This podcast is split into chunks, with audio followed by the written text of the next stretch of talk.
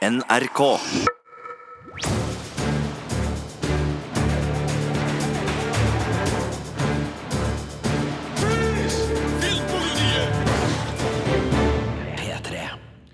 Og jeg har hatt en veldig fin uke på kino. Jeg heter Birger Vestmo og skal gi deg dommen over dagens premierefilmer. Det dreier seg om haithrilleren Megalodon med blant andre Jason Statham og en enormt stor hai. Det er actionkomedien The Spy Who Dumped Me med Mila Kunis og Kate McKinnon. Actionfilmen Equalizer 2 med Denzel Washington. Og den svenske filmen Ted for kjærlighetens skyld, som handler om den eh, svenske artisten Ted Gjerdestad. Jeg skal spå litt om Amandaprisen, som deles ut i morgen i Haugesund. Og så får du en del interessante nyheter fra filmens verden, så her er det bare om å gjøre å spisse ørene. Filmpolitiet anmelder film. What's that? There's a monster outside. Megalodon tilhører en spesifikk filmsjanger som dukker opp med jevne mellomrom. Det her er nemlig en vaskeekte haithriller. Regissør John Turtletaube og actionhelten Jason Statham velter seg i velkjente sjangerklisjeer helt uten ironi, og det fungerer faktisk mye bedre enn man kunne vente. Det er jo ingen skam å lage enkel og upretensiøs moro for massene, og når det er så velgjort og underholdende som det her, overser man glatt historiens logiske brister og lettvinte omgang med livet, døden og kjærligheten. Av og til holder det med en imponerende stor hai. Laurie, I have a contact. Oh, it's huge. It's crushing me.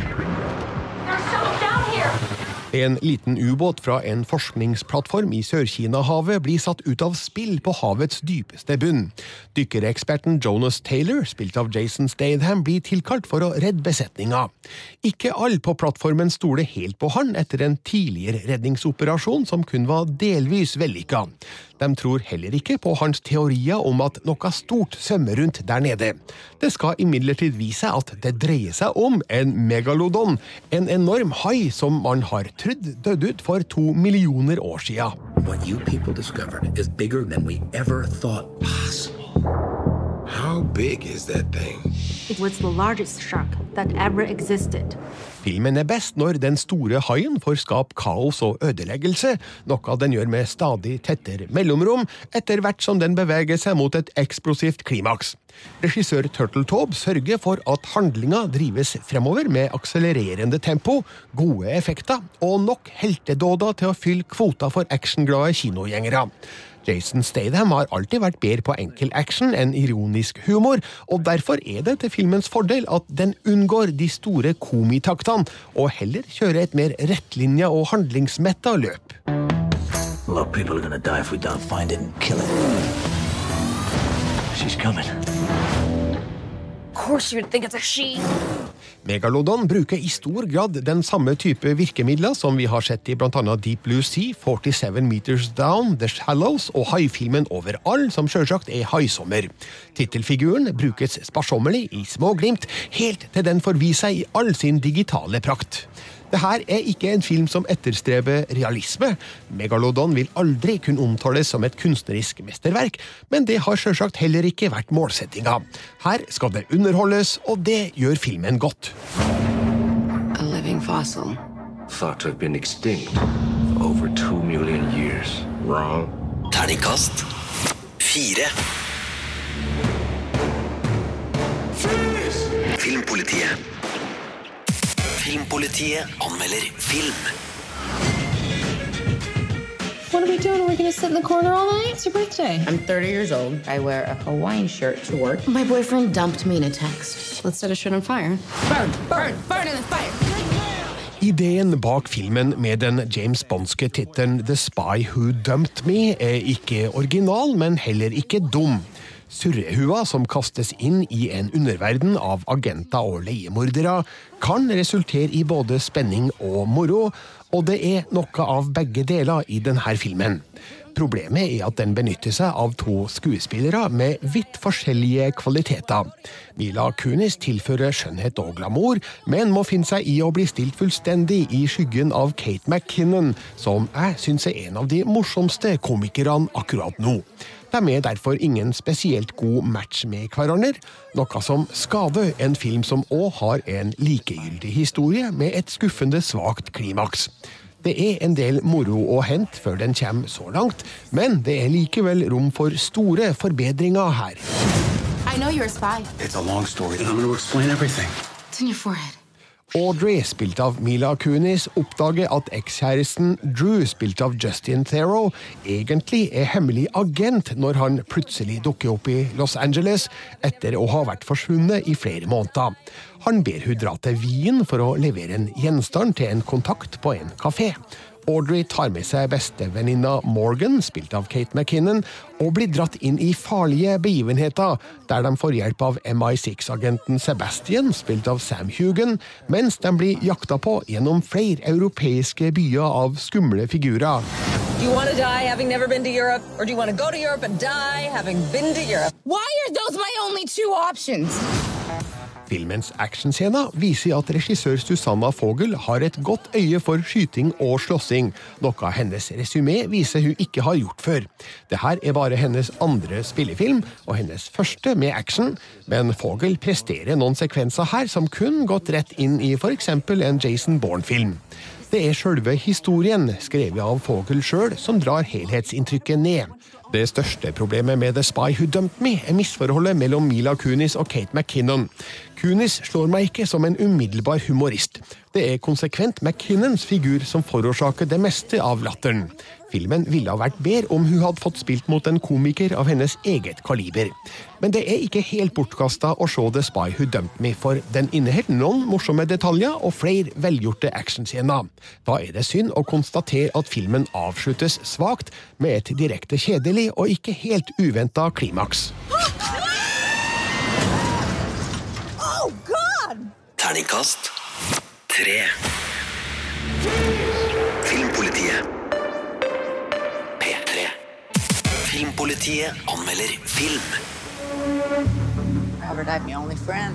It's great you're helping all these random people and everything. But stay off the radar. Something happened to one of ours. So I'm obligated to look into it. Thought you were retired. Oh, I am. Just like you're dead. Etter en 40 år lang karriere har Denzel Washington gjort noe han aldri har gjort før. Han har spilt i en oppfølger.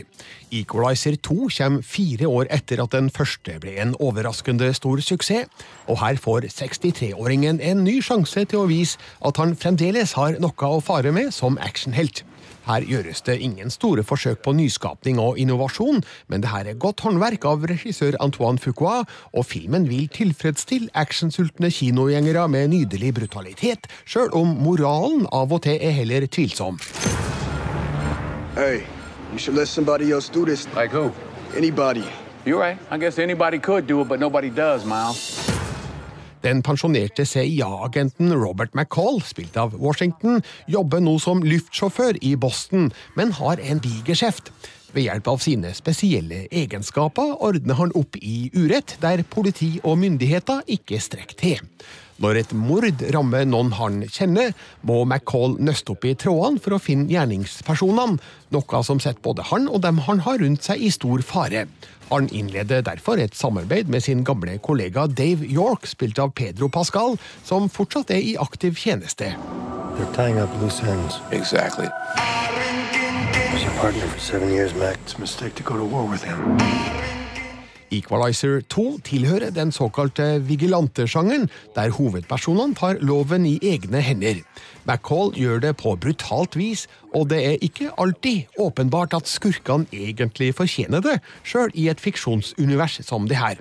Enkelte skades bare fordi de befinner seg i et rom der McCall mistenker at det har foregått et lovbrudd. Sånn sett kan det innvendes at Equalizer 2 har noen moralske utfordringer, men samtidig er filmens voldsscener så godt komponerte og visuelt interessante at man blir revet med av heltens blodtørst. Barn sitter jo der i kinosalen og ønsker at han skal gjøre det han gjør. They killed my friend. So I'm to kill each and every one of you. The only disappointment is that I only get to do it once. Denzel Washington gir hovedfiguren tyngde og troverdighet gjennom sitt solide spill og sterke nærvær foran kamera. Filmens spennende klimaks foregår i en orkan et sted på USAs østkyst, og gir både en dramatisk stemning og en farlig atmosfære som passer det siste oppgjøret mot skurkene. Her viser regissør Fuqua et godt øye for action med slagkraft, der voldens konsekvenser er åpenbare. Equalizer 2 har ikke funnet opp kruttet, men bruker forbilledlig store mengder av det. Who are you, Jackie Chan? Terningkast fire. Filmpolitiet. Filmpolitiet anmelder film. Tennis er ikke gratis. Vet du hvor mye jeg har lagt ut på gjennom genom åren? Ibland undrar man en högtalare i ditt huvud. Musiken bara kommer. Jag rår inte för det. Du har alldeles för mycket kontakt med dina känslor hela tiden. inte det bra? Den svenske artisten Ted Gjerestads vei oppover og nedover har blitt til en spillefilm som bades i et nostalgisk lys. Både kometkarrieren på plate og scene, og de mentale utfordringene som til slutt satte en stopper for karrieren, skildres med en takt og tone som ufarliggjør historiens mørker kapitler. Regissør og manusforfatter Hannes Holm, mest kjent for Adam og Eva og En mann ved navn Ove, ville kanskje ikke problematisere en folkekjær artist på en måte som kun støt publikum. Ted for kjærlighetens skyld greier absolutt å formidle en annerledes artist i overbevisende 70-tallsestetikk, og er full av Ted Gjerestads naive og nydelige visepop, men er òg et hakk for snill og forsiktig. Universum, finns det plass for mig? Mamma! Filmen tar utgangspunkt i det tette båndet mellom Gjerestad-brødrene Ted, spilt av Adam Paulson, og Kenneth, spilt av Peter Vitanen. Ted er en lovende tennisspiller, mens Kenneth er en aspirerende arkitekt. Det viser seg at Ted er mer interessert i gitaren enn i racketen, og med sin sjølskrevne musikk og brorens tekster oppnår han stor suksess i 1970-tallets Sverige. Dessverre utvikler Ted etter hvert store mentale problemer som går utover både det profesjonelle og private. Filmen skildrer hvilke konsekvenser det får for Teds karriere, og hans forhold til både fans, presse, musikkbransje, kvinner og sin egen bror. Nu tar molnen mark. Jag var förblindad av at solen. En tekstplakat melder at filmen er fritt basert på Gjerestads liv. Derfor er det nok noen hendelser, figurer og tidsangivelser som ikke nødvendigvis stemmer helt overens med virkeligheten. Men det er riktig at han spilte tennis mot Bjørn Borg, at han tidlig i karrieren jobba med ABBA, at han på et tidspunkt hadde et samarbeid med Finn Kalvik, at det gikk rykter om at han var involvert i mordet på statsminister Olof Palme, og at han på starten av 1980-tallet var med i sekten til Bhagwan Sri Rajneesh, sett i dokumentarserien Wild Wild Country. Alle disse momentene og mange flere sys inn i et stramt manus som skildrer rundt 26 år av Gjærestads liv. Det er sjølsagt vanskelig å holde en rød tråd gjennom et så langt tidsforløp, men Hannes Holm gjør et heldig grep ved å fokusere på brødreforholdet mellom Ted og Kenneth. Kom ge Ted for kjærlighetens skyld er en sympatisk film om en artist som sleit med demoner man ikke kunne ane gjennom å høre hans mest populære låter. Filmen er velspilt, sikkert regissert, og man kan jammen ikke klage på lydsporet heller. Terningkast fire.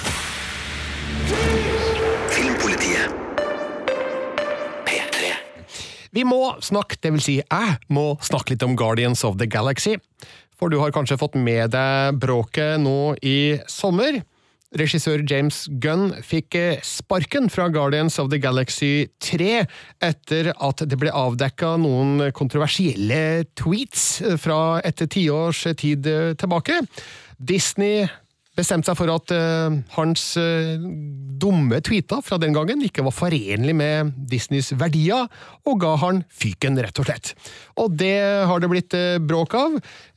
Skuespillerne fra de to første Guardians of the Galaxy-filmen gikk sammen og forfatta et brev til støtte for James Gunn, og de ga klart uttrykk for at de ønska han tilbake som regissør av den tredje Guardians of the Galaxy. Eh, Blant andre Chris Pratt og Zoe Saldana, og ikke minst Dave Bautista, som har vært veldig eh, klar og tydelig, i hvert fall på Twitter, om hva han syns om Disneys beslutning om å gi Gunn sparken. Eh, For en ukes tid siden ble det meldt at eh, Marvel visstnok eh, pressa på eh, for å eh, få Disney til å ombestemme seg og gi Gunn jobben tilbake. Men eh, nå i dag skriver bransjebladet Variety at eh, Disney de står fast på sin beslutning.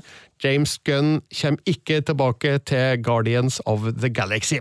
Det skal visstnok ha vært et møte mellom James Gunn og Disney-sjefen Alan Horn.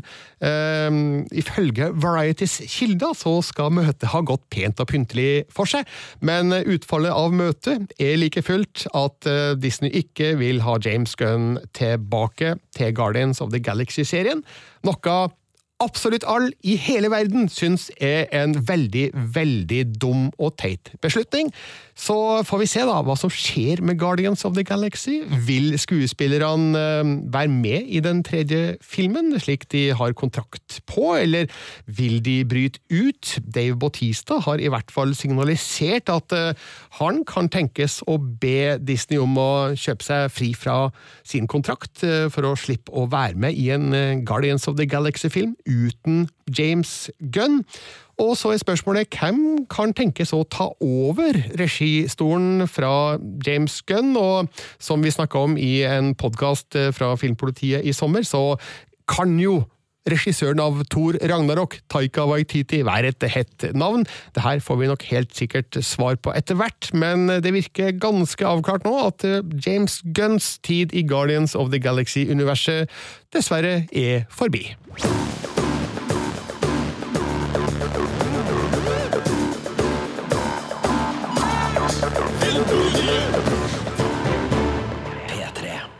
Mission Impossible Fallout er den mest populære filmen i Norge akkurat nå, og sikkert i store deler av verden for øvrig også.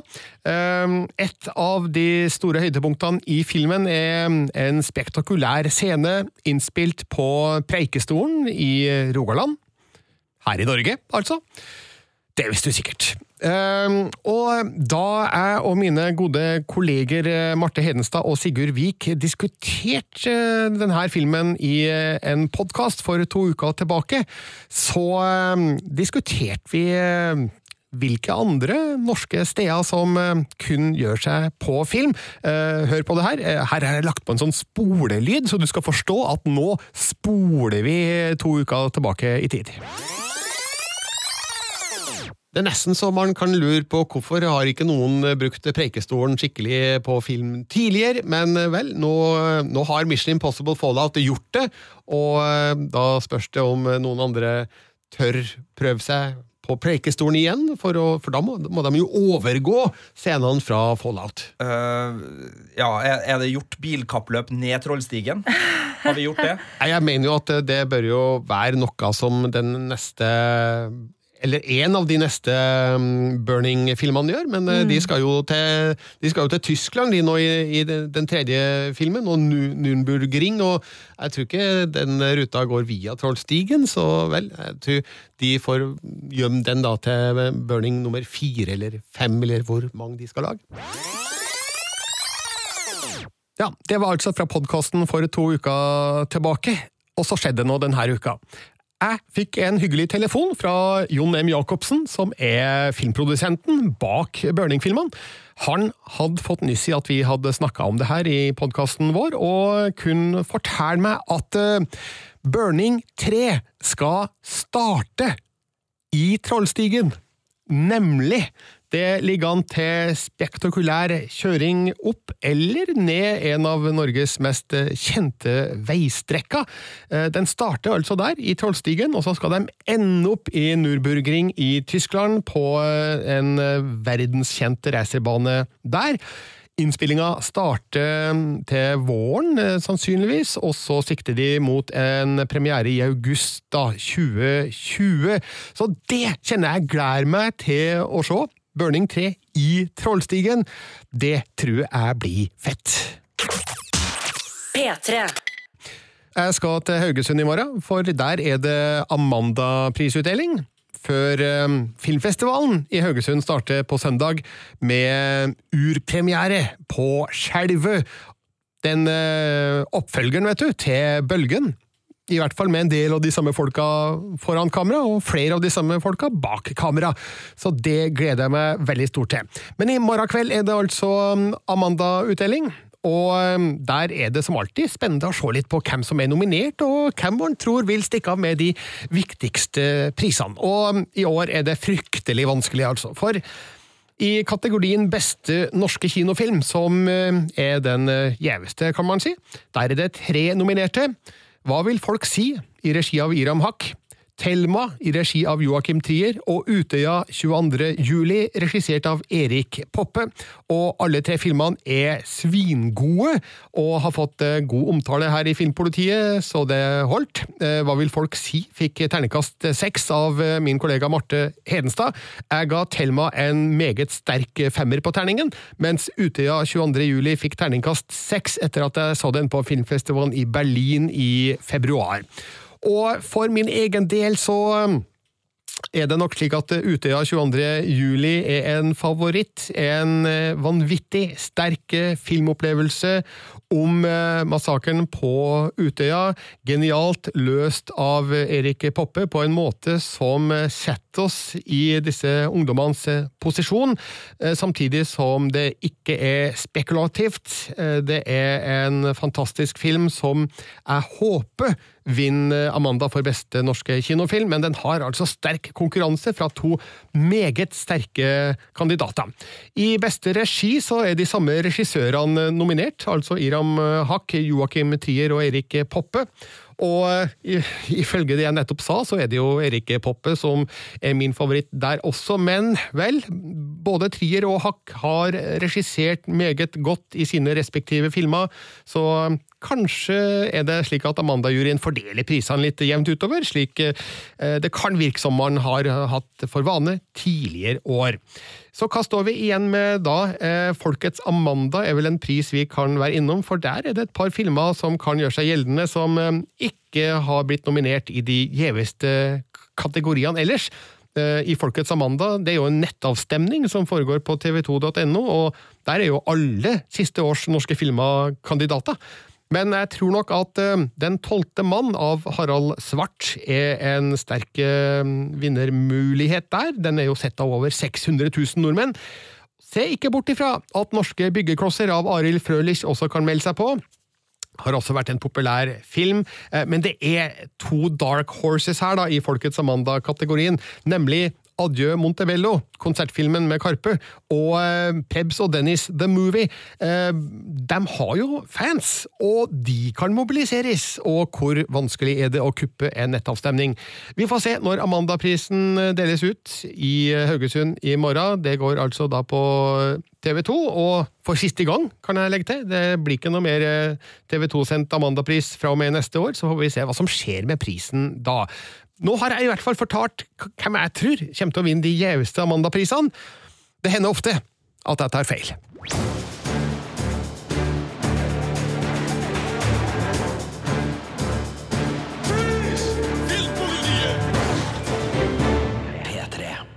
Du finner flere podkaster på p3.no podkast.